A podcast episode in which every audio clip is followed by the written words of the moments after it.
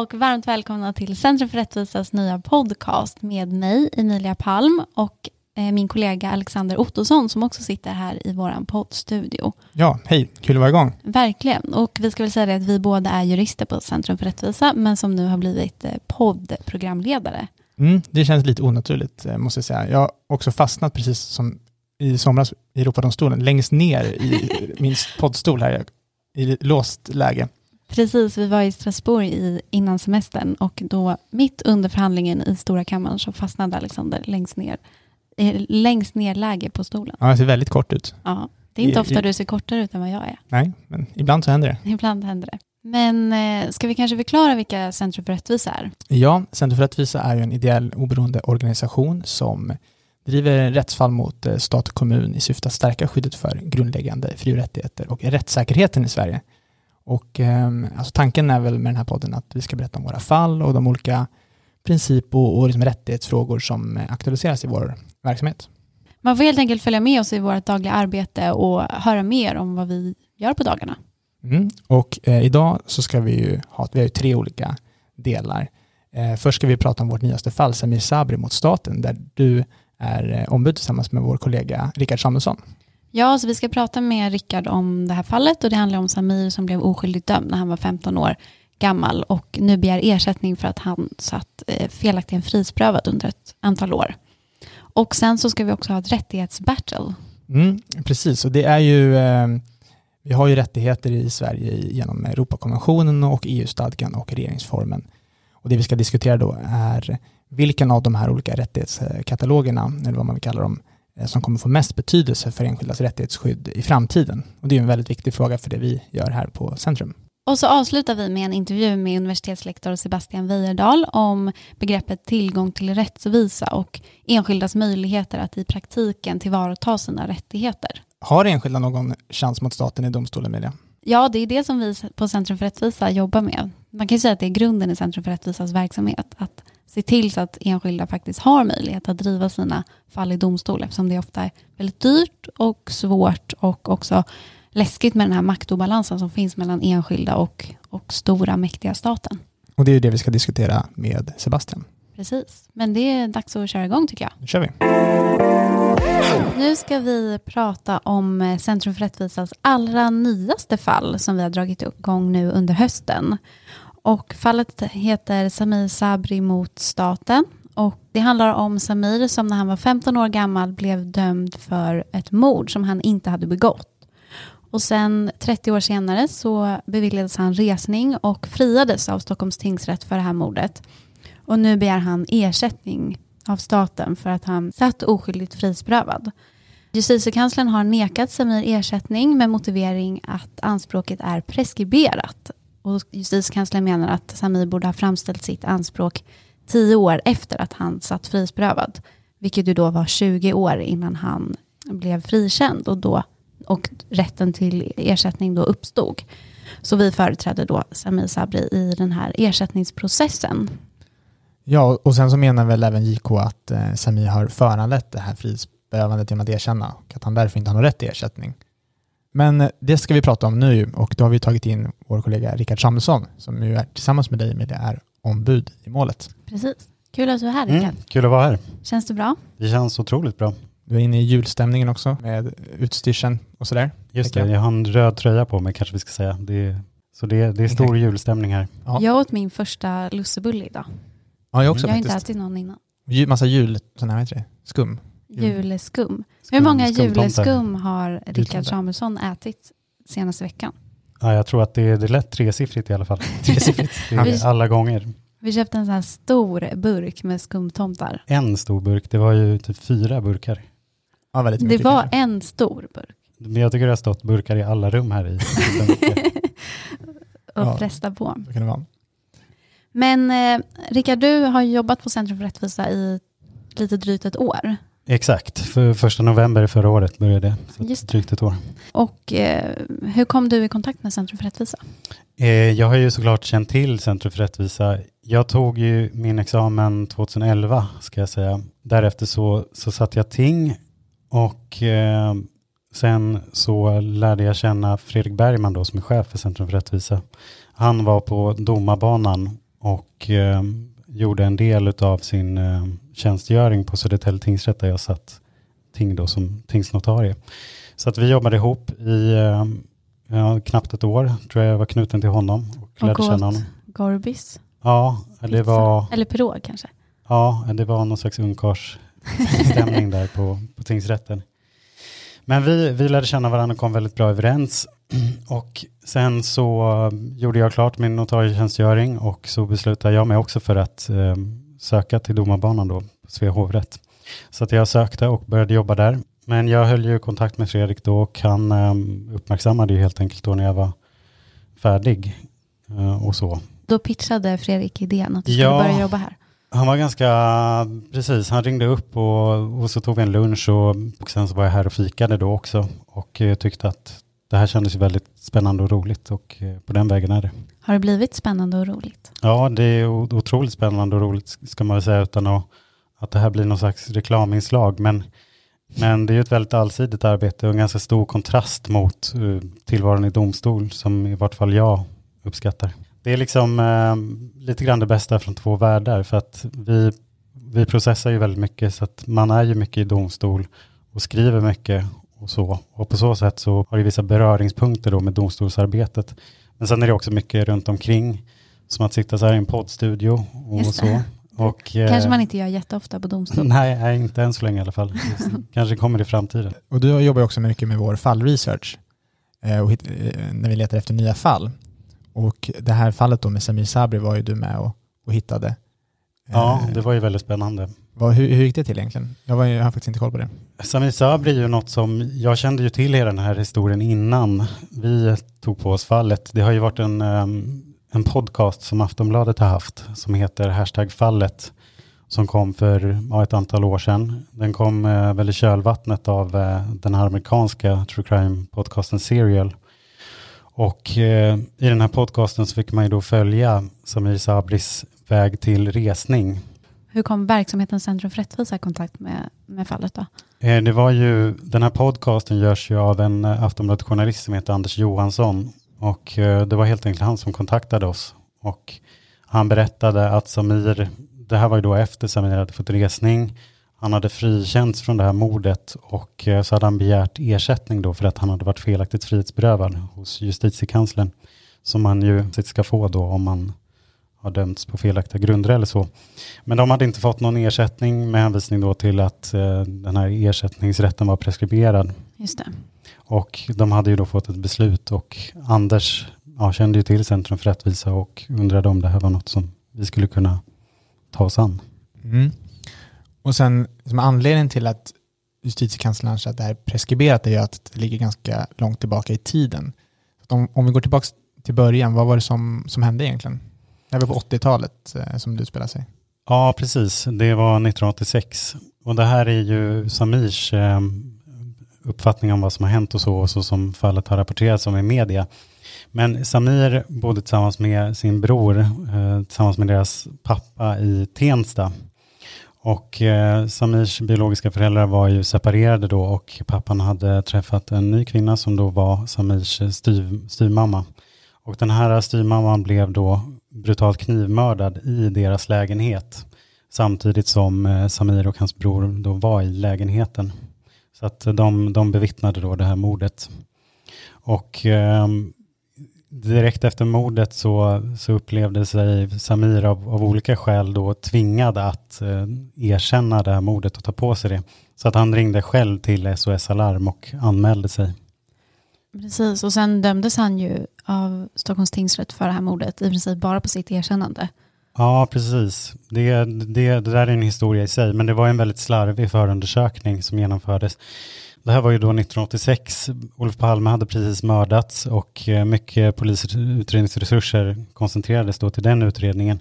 Så att det var en helt oerfaren utredare som aldrig hade haft erfarenhet av mordutredning då som fick ansvar för den här förundersökningen. Man, eh, det verkar som att man tyckte att det här var klappat och klart i och med att Samir hade erkänt så att man eh, vidtog liksom inga ordentliga utredningsåtgärder för att verifiera det här erkännandet. Det gjordes ingen kriminalteknisk undersökning och analys av eh, bevisning och sånt där som, som togs i beslag. Och sen vet jag att alltså, du och alltså, och Fredrik och ni som liksom har jobbat mycket i domstol och sådär brukar ju studsa på att dels att Samir, förhören med Samir hölls utan försvarare och sen att Mm, domskälen är så superkorta, det är väl bara två meningar eller något sånt där. Det är också väldigt ovanligt när någon ska dömas för ett sånt här allvarligt brott. Absolut. Nej, de allra fl- flesta, eller de som, som har domstolsbakgrund och som ser den här domen studsar ju precis som du säger. Det är ju egentligen två meningar. Det är dåligt när man kan citera domskälen ur minnet. Ja, absolut. Då är, det är så här presumtion för att de är för korta. I alla fall i ett, i, i ett eh, mordmål Mm. där det är en 15-åring inblandad. Precis. Ja, man- bör väl egentligen inte kunna dömas överhuvudtaget om det bara är erkännande som ligger till grund för det. Åtminstone inte om man är barn. Nej, absolut, så är det ju. Det är absolut, det, sånt där ska ju inte kunna hända, utan erkännandet ska ju få stöd av, av annan utredning. Men var det det här som gjorde att du tyckte att det här kändes som ett bra fall? Eller när Anders kom med det här fallet och du hade lyssnat på podden, vad var det du tyckte var intressant med fallet? Det som jag ursprungligen tyckte var intressant var ju såklart den här väldigt gripande historien om den här 15-åriga killen då som hade tvingats att ta på sig det här mordet och som sen dömdes till psykiatrisk vård trots att han inte hade någon eh, mer allvarlig psykisk störning och eh, placerades liksom på Långbro mentalsjukhus. Och när han väl blev utskriven därifrån så placerades han av socialtjänst på sin pappa igen då som han hade pekat ut som mördare. Så det, det är klart att man gick igång på, på hela den historien. Just det, för han tog ju tillbaka sitt erkännande och pekade ut pappan som mördare Ja, efter precis. ett år. Men trots det så hände det ju inget. Man återupptog förundersökningen men eh, höll inte ens något förhör då med den här pappan utan lade ner den. Då. Men räcker det med en sån här gripande historia? Eller vad, vad krävs mer för att Centrum för rättvisa ska ta sig an ett sånt här fall? Vi vill ju ha ganska rena fall med tydliga rättsfrågor. Oftast i eh, sådana här situationer så finns det ju kanske olika uppfattningar om vad som har hänt och sådär och det kan ju vara ganska invecklade bevisfrågor och så. Så att man får ju börja med att klarlägga sakomständigheterna och helt enkelt försöka ta reda på vad som har hänt och identifiera då vad det finns för rättsfrågor, om de är principiellt intressanta eh, för att det kanske finns något strukturellt problem eller för att det är en fråga då som kan ha stor betydelse i liksom liknande fall som dyker upp och så. Men den här problematiken med preskriptionen och den invändningen har ju kommit upp i andra fall också. De här så kallade medborgarskapsfallen som vi har drivit till exempel. Det är ju två olika fall, men i det ena av dem så, så var det ju så att en person hade blivit av med sitt medborgarskap i väldigt ung ålder. Och sen hade han fått tillbaka det väldigt många år senare och då invände ju staten att han bara hade rätt till ersättning för eh, en begränsad period då med hänvisning till de här preskriptionsreglerna. Mm. Och det vann ju Centrum för rättvisa i Högsta domstolen. Ja, precis. Så att på det sättet är ju det här lite ja, men som en vidare, vidareutveckling av det fallet. Det är ju liksom i grunden samma Och det handlar väl också om att man. Ja, och att om man har en rätt så ska man också ha en möjlighet att göra den gällande. Alltså att preskriptionsfrågan blir någon sorts formell invändning av staten Absolut. som hindrar den materiella rätten att få genomslag. Ja, nej men så Det är är det väl ju. det som blir liksom principfrågan. Ja, nej absolut. Verkligen. Alltså det är intressant men när vi driver fall då uppstår det ju frågor på vägen också under processen. Ett fall är ju inte statiskt utan det händer ju saker under processen. Och det har vi väl också upptäckt att till exempel det här med ersättningsnivåer så har det inte prövats så jättemånga gånger hur man ska tänka när det är ett barn som har varit frihetsberövat till exempel. Vilket ju är bra. Det är bra att barn inte har alltså, dömts oskyldiga såklart. Men det är ju också en sån här fråga som det inte, rättsläget är verkligen inte helt klart hur man ska tänka där. Absolut. Det är ju justitiekanslern som hanterar sådana här ansökningar om eh, ersättning för felaktiga frihetsberövanden. Och eh, de flesta ärenden stannar ju där så att säga. Så att det är justitiekanslerns praxis som ehm, ja, helt enkelt bestämmer ersättningsnivåerna i stort. Och därför så är det ju alltid intressant att driva sådana här ersättningsfall i domstol då. Men sen har det också dykt upp en annan intressant fråga i det här fallet som rör eh, det faktum att Samir erkände brottet.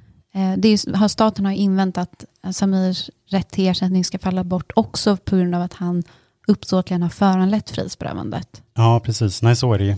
Ersättningen kan sättas ner eller helt falla bort om man själv då har orsakat frihetsberövandet. Men det som är det intressanta här är ju om det verkligen är bara Samirs erkännande som har orsakat det här äh, frihetsberövandet. För att man måste ju ändå beakta att han vid det här tillfället så var han 15 år gammal. Det var liksom ett barn. Eh, han gjorde det under tvång Och det fanns också väldigt stora brister i, i den här förundersökningen och i tingsrättens stor bevisvärdering. Så att han borde ju inte ha dömts egentligen. Och då är ju frågan, är det verkligen hans erkännande som i sig självt har orsakat själva frihetsberövandet? Det kan man ju verkligen diskutera. Ja, för någonstans borde ju statens utredningsskyldighet också kicka in och, förhindra att en person blir dömd i ett sånt här fall. Nej, så är det ju såklart. Man har ju en skyldighet att, i förundersökningar att alltid verifiera erkännanden och liknande. Så att, absolut, det har ju varit brister på det sättet här. Så sammanfattningsvis så är det två intressanta eh, principfrågor i det här fallet. Har det, eller det har blivit så nu? Ja, absolut. Nej, så är det ju. Och vad händer i fallet nu? Eh, vi har ju ansökt om stämning mot staten. Så att vi, eh, vi var vid Stockholms tingsrätt, lämnade in den här ansökan om stämning och eh, Samir intervjuades och lite sådär av Aftonbladet. Och sen så har staten kommit in med ett svaromål då där man har, eh, håller fast vid eh, den här ståndpunkten som man gav uttryck för i, i det här beslutet. Och sen blir det huvudförhandling då som nästa steg. När, när kan det tänkas bli? I slutet av våren nästa år, innan sommaren där någonstans. Vi har inte sagt att vi har ju faktiskt ett S i skjortärmen. Rockarmen säger Rock, man ju. Rockarmen säger man, precis. Men eh, i form av ett eh, HD-avgörande. Ja, exakt. Högstdomstolen har ju öppnat upp i ett ganska nytt avgörande för att man kanske ska kunna göra en annorlunda tolkning av preskriptionsbestämmelserna just i det fall där någon har frikänts, till exempel genom resning. Men vi får, vi får säkert anledning att återkomma till det här fallet i podden tror jag. Ja, det tror jag I samband med huvudförhandling och sådär. Tack så jättemycket Rickard för att du kom och poddade med oss. Ja, du får komma tillbaka snart igen. absolut. Nu ska vi ha en rättighetsdebatt här i podden. Och temat är framtidens rättighetskatalog. Och frågan det är vilket rättighetsdokument kommer att få mest betydelse i framtiden för enskildas rättighetsskydd? EU-stadgan, Europakonventionen, regeringsformen. Som ni hör så har jag med mig i studion de som ska debattera det här ämnet. Och eh, Alexander, du är kvar i studion för Mm, du kommer företräda Europakonventionen. Absolut. Absolut. Eh, och sen har jag också med mig Jakob Gustafsson, jurist på Centrum för rättvisa, som kommer företräda regeringsformen. Hej hej, Varmt välkommen. tackar. Och jag har också med mig Centrum för rättvisas egen administrativa chef Alexandra Lloyd som kommer företräda EUs rättighetsstadga. Välkommen. Tack så mycket. Och jag tänkte bara inleda med att ni får förklara vilket, eller vad ert rättighetsdokument är för något. Och eh, Jakob, du får börja. Vad är regeringsformen? Ja, kort och gott är ju regeringsformen vår grundlag. Och eh, i den finns det bland annat ett kapitel där vi har eh, ett antal rättigheter, en rättighetskatalog helt enkelt. Yes, och eh, Europakonventionen, vad är det för någonting? Europakonventionen är ju en konvention som tillkom 1950 inom ramen för Europarådet som har 47 medlemsstater. Ehm, så det är ju större än EU då, inkluderar även Ryssland och Turkiet och några till. Ehm, och det, Europakonventionen gäller sedan 1995 som svensk lag och har en särskild ställning i Sverige genom en bestämmelse i ehm, regeringsformen som säger att en lag inte får meddelas i strid med Europakonventionen. Och slutligen, EUs rättighetsstadga, vad är det för någonting? Mm, ja, EUs sta- rättighetsstadga är ju ett dokument från den Europeiska unionen som alltså är de som alltid har sista ordet i juridiska frågor. Nu börjar pläderingen nästan på en gång hör vi här, men eh, först ska vi ha några förhållningsregler. Inga personangrepp, Nej, noterat. Ja. Och det är jag som är domare, så jag bestämmer. Mm, okej. man kan bli prickad och utskickad. Exakt. Är du eh, EU-domstolsdomare då eftersom du alltid bestämmer? Det kanske är bäst att vi börjar med den här pläderingen eftersom den verkar då redan vara igång. Upplägget är som så att ni kommer att hålla ett inledningsanförande, kort och koncist. Och sen får ni replikera på det, det ni har sagt helt enkelt. Är det några frågor på det? Nej, Är ni laddade? Ja! verkligen. Och då börjar vi såklart på hemmaplan. Varsågod regeringsformen. Tack. Jag tycker att man måste börja med att landa i vad, vad vi diskuterar när vi diskuterar fri och rättigheter. Och eh, oftast så är detta eh, resultatet av politiska kompromisser. Och precisionen, eller det, det närmare innebörden av dessa, det måste tas fram av domstolar. Och här tycker jag att detta görs bäst av nationella domstolar, närmare de som berörs. EU-stadgan, regeringsformen anser att rättigheter skyddas bäst på hemmaplan. Vad anser du om detta? Ja, frågan är har vi byggt upp våra system så att man granskar sig själv? Nej, det har vi inte, eller hur? För man kan inte granska sig själv. Nej. Det behövs en extern garant som granskar staterna utifrån och det gör vi med EU-stadgan och Europakonventionen väldigt bra skulle jag säga. En nationell domstol eller en konstitution kan inte göra det här på samma sätt och eh, EU-stadgan är väl framtidens rättighetsdokument eftersom, ja dels så innehåller den ju flest rättigheter, dels så kan den också innehålla starkare rättigheter än till exempel Europakonventionen som ju är ett minimiskydd. Man ska också komma ihåg att Europadomstolen har totalt förlorat i effektivitet. De är jätteineffektiva. Det är extrema målbalanser så att man får ju liksom vänta i decennier på att få domar från Europadomstolen. Mm, man har ju också ett stort problem med att man har så många länder med som man måste anpassa sig till. Till exempel Ryssland, Turkiet, Ukraina, Azerbajdzjan. De står för över 80 procent av de här höga målbalanserna. Så att varför då inte använda EU-stadgan som eh, ja, är mer effektiv? Europakonventionen, det är både ett för lågt skydd och för ineffektiv. Vad Here, säger du here. om det här? Nej, alltså, vi kan ju bör- börja med att nämna Italien, Polen, Ungern. Alltså, de står också för en enormt stor procent av Europadomstolens målbalans. Grattis. Men eh, EU-stadgan pratar ju som att det var 2010 här. Europadomstolen har ju reformerats sedan dess och är numera otroligt effektiv. När jag var där 2017 så var målbalansen på 90 000 domar. Nu är den nere på 56 000. Och det var lite. Ja, så det är på en väg neråt och eh, Europadomstolen eh, jobbar aktivt med att stärka sin legitimitet och för att kunna uppfylla sin roll som den här yttre garanten. Men sen har ju Europakonventionen också en dubbel funktion i det att den också gäller som svensk lag och tillämpas aktivt av svenska dom, domstolar. Det är ju det rättighetsinstrument som också används mest i svenska domstolar eftersom att det finns möjlighet att till exempel få skadestånd vid en överträdelse, vilket ju inte gäller för de andra två katalogerna. Det finns ingen möjlighet till skadestånd, säger Europakonventionen. Vad tycker regeringsformen om det här? Stämmer det verkligen? Ja, att skadestånd inte kan utgå grundat på regeringsformen, det stämmer inte. Det finns flera fall där HD har prövat och eh, kommit fram till att ersättning kan utgå vid överträdelser av regeringsformen. Och därtill så eh, ligger det också en utredning på bordet just nu där, där regeringen helt enkelt utreder om det ska införas en, en bestämmelse som innebär att skadestånd kan utgå direkt grundat på regeringsformen. EU-stadgan. I framtiden kommer regeringsformen vara ett utomordentligt eh, rättighetsskydd. Vad tycker du om det? Ja, men EU-stadgan är ju det idag. EU-stadgan kan ju tillämpas när medlemsstaterna då tillämpar EU-rätt och det är ju i princip alltid. Dessutom har ju EU-domstolen oftast också sista ordet. Så det gör ju att eh, det blir det mest effektiva i framtiden. Nu får vi ha våra slutanföranden här och Europakonventionen får börja. Ja, nej men EU-stadgan har ju då brister i att den inte... Du skulle ju prata om Europakonventionen. Ja, nu kommer Ja. det här. Inte gäller utanför tillämpningen av EU-rätten. Så det gäller ju inte stora delar av rättsväsendet, till exempel i det straffrätt och eh, stora delar av skatt, skattefrågor och liknande. Och, och sen är det ju inte möjligt för enskilda att vända sig till domstol, eh, åtminstone inte i Sverige, och utkräva sina rättigheter enligt EU-stadgan. Åtminstone inte i väldigt många fall, eftersom att det inte finns någon skadeståndssanktion, till exempel kopplat till EU-stadgan. Och det är inte heller möjligt att föra en fastställelsetalan om att ens rättigheter har överträtts. Så det finns stora begränsningar där.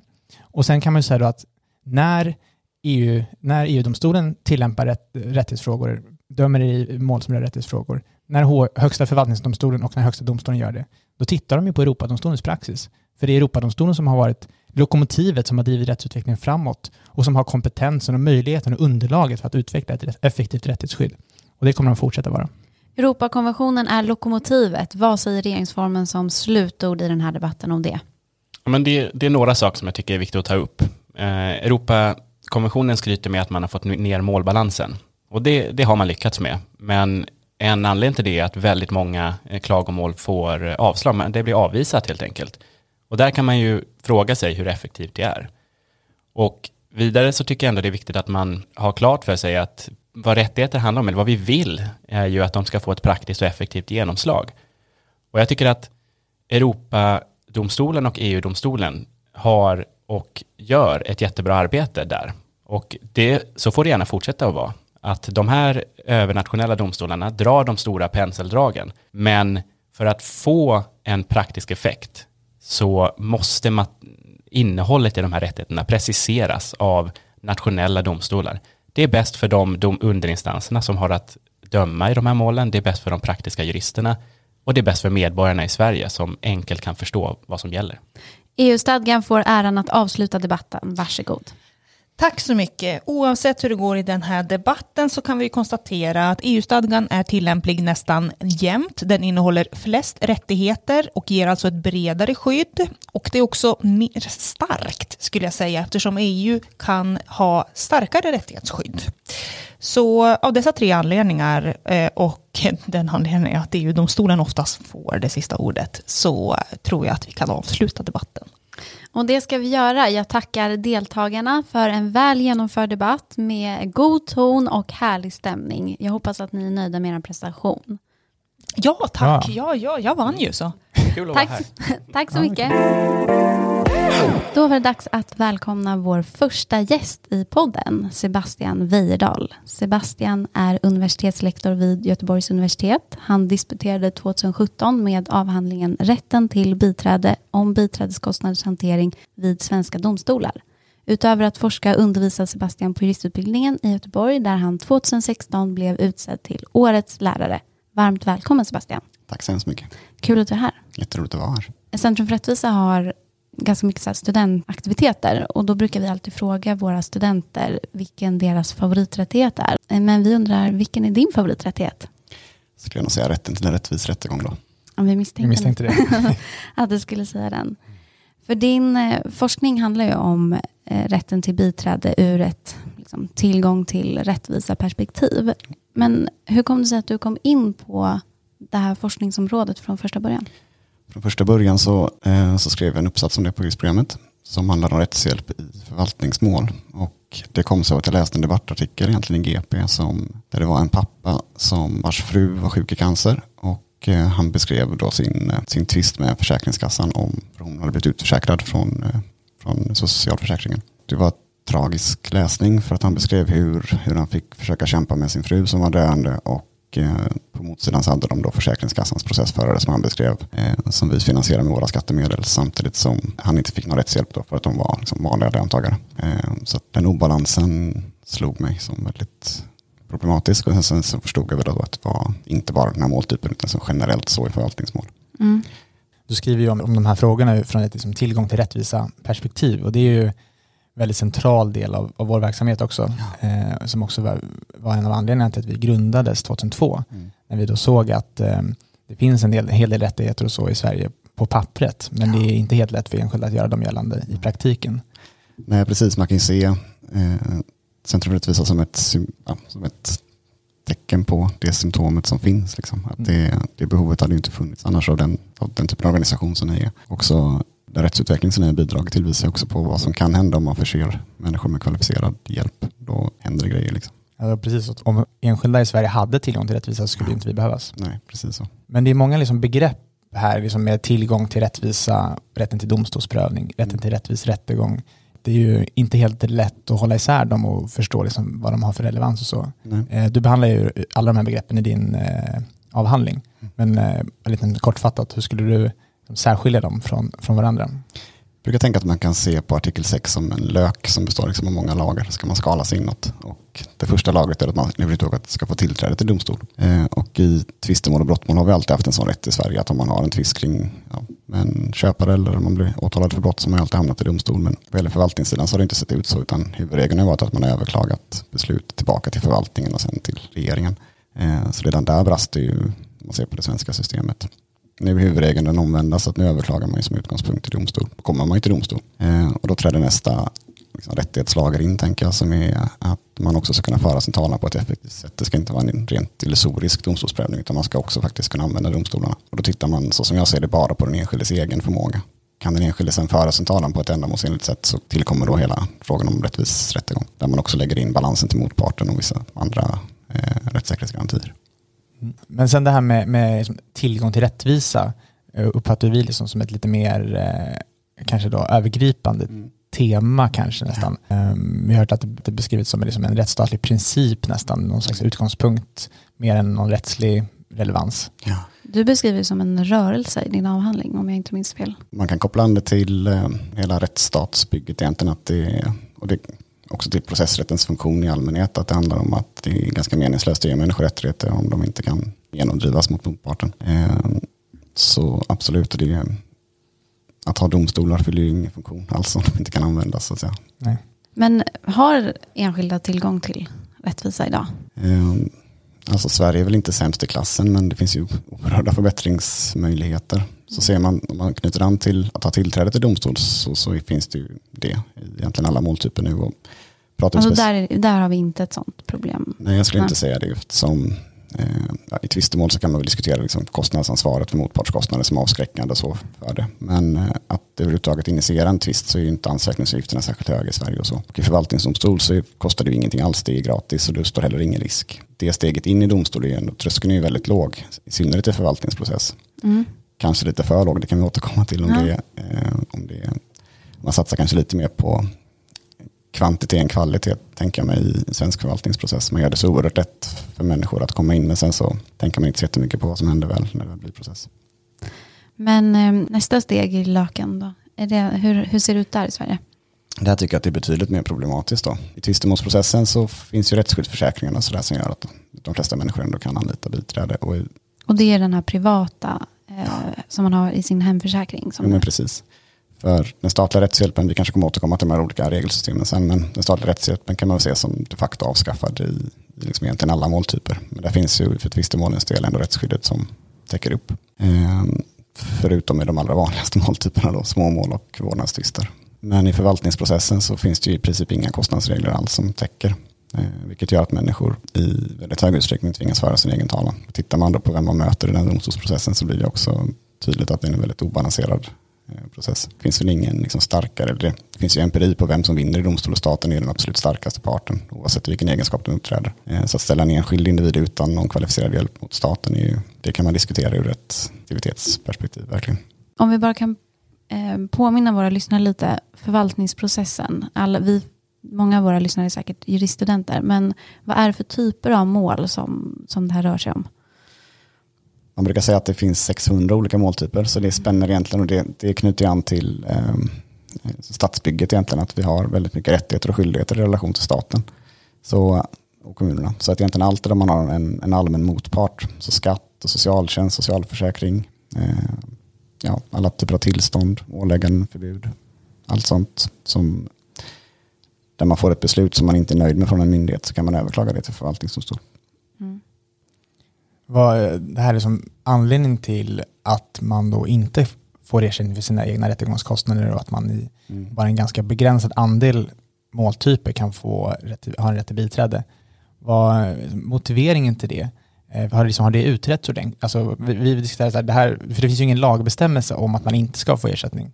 Tittar man på argumenten så finns det väl, det är framförallt ett argument som återkommer och det är där att man saknar behov. Hela den här eh, diskussionen kring officialprincipen som är det stora magiska ordet här i, i sammanhanget. Där man säger att, ja, men att förvaltningsdomstolen har ett omfattande utredningsansvar, är väl det det kokar ner till. Därför så har den enskilde inget behov av biträde. Men om man skulle blicka lite framåt då, och så, säg att du, regeringen inser att det här är ett problem eh, och vill tillsätta en utredning och du får uppdrag att utreda detta. Mm. För att komma med förslag på lösningar om hur kan man liksom komma till rätta med de här problemen. Vad, vad skulle vara liksom fokus, vad är, vad är de prioriterade åtgärderna enligt din mening? Då tycker jag att det ska finnas en, för det första en kostnadsregel i förvaltningsprocessen. Och jag skulle inte personligen driva det så långt som att den ska se ut som i tvistemålsprocessen till exempel, att man alltid ska få ersättning. Det inser jag också att det, det handlar i grund och botten om statsfinansiella prioriteringar ju. Och ska alla enskilda i förvaltningsdomstol få ersättning för sina kostnader så måste vi ta de pengarna någon annanstans ifrån. Men man skulle kunna ha en regel som säger att eh, om det är särskilt påkallat eller särskilda skäl till exempel. Så att i vart fall man skapar det lagstödet som nu inte finns och som används som argument för att inte döma ut kostnadsersättning. Så att man i vart fall kan låta domstolen bedöma den frågan i det enskilda fallet. Då skulle man alltså titta på den enskildes behov av Mm. eh, biträdeshjälp till exempel. Alltså titta på målets komplexitet och, Ja, och och så, så vidare. precis, och så föra en mer nyanserad diskussion i de här förarbetena då kring vad som är ett behov. Där man inte säger kategoriskt att det finns aldrig ett behov. För det, det är det som gör att ja, om man kopplar till rättshjälpslagen så där finns det ju en sån regel som säger att vid behov så kan man få rättshjälp. Men man beviljas ju ändå inte rättshjälp eftersom det står i gamla propositionstexter att man inte har behov. Så att det där behöver man prata om på ett mer nyanserat sätt. Då. Och det finns ju vissa måltyper som som LSS-mål till exempel, när man processar om assistansersättning. Där man har en människa vars processen handlar om huruvida man kan tillgodose sina grundläggande behov. Det är liksom det som är sakfrågan i målet. Kan man gå på toaletten själv? Kan man äta mat själv? Det är det som tvisten handlar om. Och sen så förutsätts man kunna sköta tvisten själv. Det, finns ju, det finns ju den typen av mål som är, där man verkligen kan liksom diskutera. Jag tror alla är överens egentligen om att den enskilde skulle behöva kvalificerad hjälp där. Ja, det känns svårt att argumentera för motsatsen. Att den personen inte skulle behöva Ja, det- hjälp av någon i alla fall. Ja, det tycker jag också. Så det, eh, och sen så finns det tycker jag, om vi tittar på de, så, ja, först en kostnadsregel då skulle behövas, som är generell för alla måltyper, där man kan pröva behovet. Och sen så skulle det behövas en, jag tycker framförallt de här brottmålsliknande förvaltningsmålen är eh, problematiska, eftersom man då har en konventionsgrundad rätt till, till offentlig försvarare och motsvarande, som tillgodoses genom rättshjälpslagen. Och den, den lagstiftningen är så bristfällig att den skulle aldrig, om det skulle ställas på sin spets, så att man har ett förvaltningsmål som är genuint ingripande på ett sätt som motsvarar brottmål, så skulle den lagstiftningen aldrig räcka. Kan finns det något exempel som du kommer på vad det skulle kunna vara för typ av mål? Det finns ändå, det, det kan aldrig liksom bli frihetsberövande påföljder på samma sätt och det är ofta det man argumenterar mot, att det kan aldrig bli som en brottmålsprocess, man riskerar aldrig fängelse. Men tittar man på Europakonventionens praxis så finns det exempel där, där det har varit uteslutet att döma någon till fängelse men det har ändå varit liksom höga böter. Och tittar man på exempelvis mål om skattetillägg så kan ju där ofta skattetillägget kan i många situationer bli högre än vad som ens hypotetiskt skulle kunna dömas ut som böter. Så vi är väldigt höga sådana, eh, vi har väldigt höga återkrav. Sen, eller förlåt, väldigt höga skattetillägg. Och sen kan jag tänka mig också processer som handlar om att man ska betala tillbaka väldigt mycket pengar. I, eh, Det kan vara alltså, till exempel om, i, om man har fått sociala bidrag eller något sånt där. Ja, för det kan ofta handla om, och det kan ju vara påstående om brott och som ligger till grund för deras bidrags, eh, bidragsbrott. Så får man kanske då ett återkrav från Försäkringskassan på säg 500 000 kronor. Så ska man försöka hantera den processen själv. Så eh, reglerna om att man ska ha mer nyanserad eh, syn på eh, kostnadsfördelningen och att vissa eh, processer som har liknande eller ha- är nära liksom, anslutning till en brottmålsprocess till exempel, eh, där skulle du vilja se förändring. Ja, jag skulle vilja se förändringar i fler måltyper. Om jag skulle behöva välja så skulle Ja, jag kanske välja det. Och sen så tänk sådana måltyper som handlar om ingrepp i grundläggande rättigheter egentligen. Eh, sånt som faller under då, det civila delen av artikel 6. Så där tycker jag också att det finns ett starkt skäl att, eh, att föra in kostnadsersättningsregler. Det är ju sådana processer vi driver. Då vill vi tacka Sebastian så jättemycket för att du kom hit och var vår första poddgäst. Det var jättekul att ha dig här. Stor ära att vara här. Tack så hemskt mycket. Tack. Det var allt vi hade att bjuda på i Centrum för rättvisas nya podd. Tack så jättemycket för att ni har lyssnat. Ni får jättegärna gå in och följa oss på sociala medier. Vi finns på Twitter, Facebook, Instagram och sen såklart har vi också en hemsida, centrumförrättvisa.se, där vi lägger upp information om våra fall och också massa annat spännande som händer i verksamheten. Och sen hörs vi igen i nästa avsnitt. Tack och hej! Tack så mycket. Hej då.